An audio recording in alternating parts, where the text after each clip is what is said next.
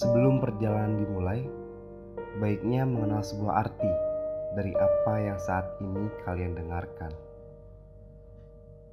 Kepada sebuah arti.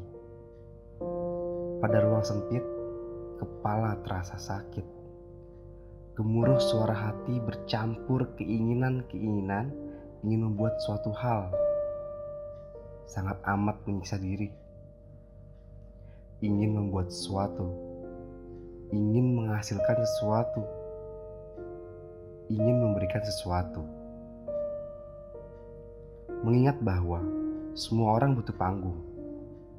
Semua orang butuh berada di panggungnya sendiri. Saat itu ruang gerak sangat terbatas. Terjebak pada jeruji pendidikan yang harus diselesaikan. Diri berjanji, setelah semua itu selesai, semua akan dimulai perlahan. Dan ini adalah salah satunya. Dunia telah berubah. Begitupun semua yang ada di dalamnya.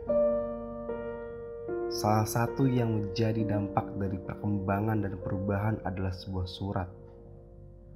Saat ini, surat telah berevolusi. Tulisan bukan lagi identitas dari sebuah surat. Itu hanya menjadi bagian masa lampau yang mungkin masih melekat di telinga dan juga pikiran kita. Surat adalah sebuah pesan yang tersirat bagi saya. Tapi bagaimana seseorang dapat memberikan surat dengan cara yang berbeda? Bagaimana sebuah teknik lama dapat menghasilkan nilai kreativitas yang dapat ditimbang-timbang? Serta bagaimana cara untuk menyentuh seseorang dari kejauhan tanpa ia mengetahuinya? Saya mencoba memberikan sebuah jawaban mempersembahkan surat suara. Bukan surat suara yang di dalamnya terselip beribu janji-janji.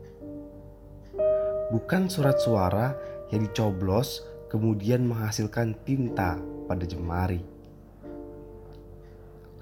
Ini adalah surat suara yang berisikan pesan untuk saya, Anda, kalian, dan kita.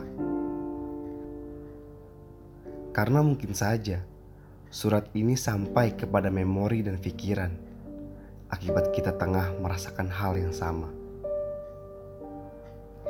Kalian bisa memberikan surat kepada siapa saja. Saya hanya menjadi perantara, seperti kantor pos pada zaman sebelumnya.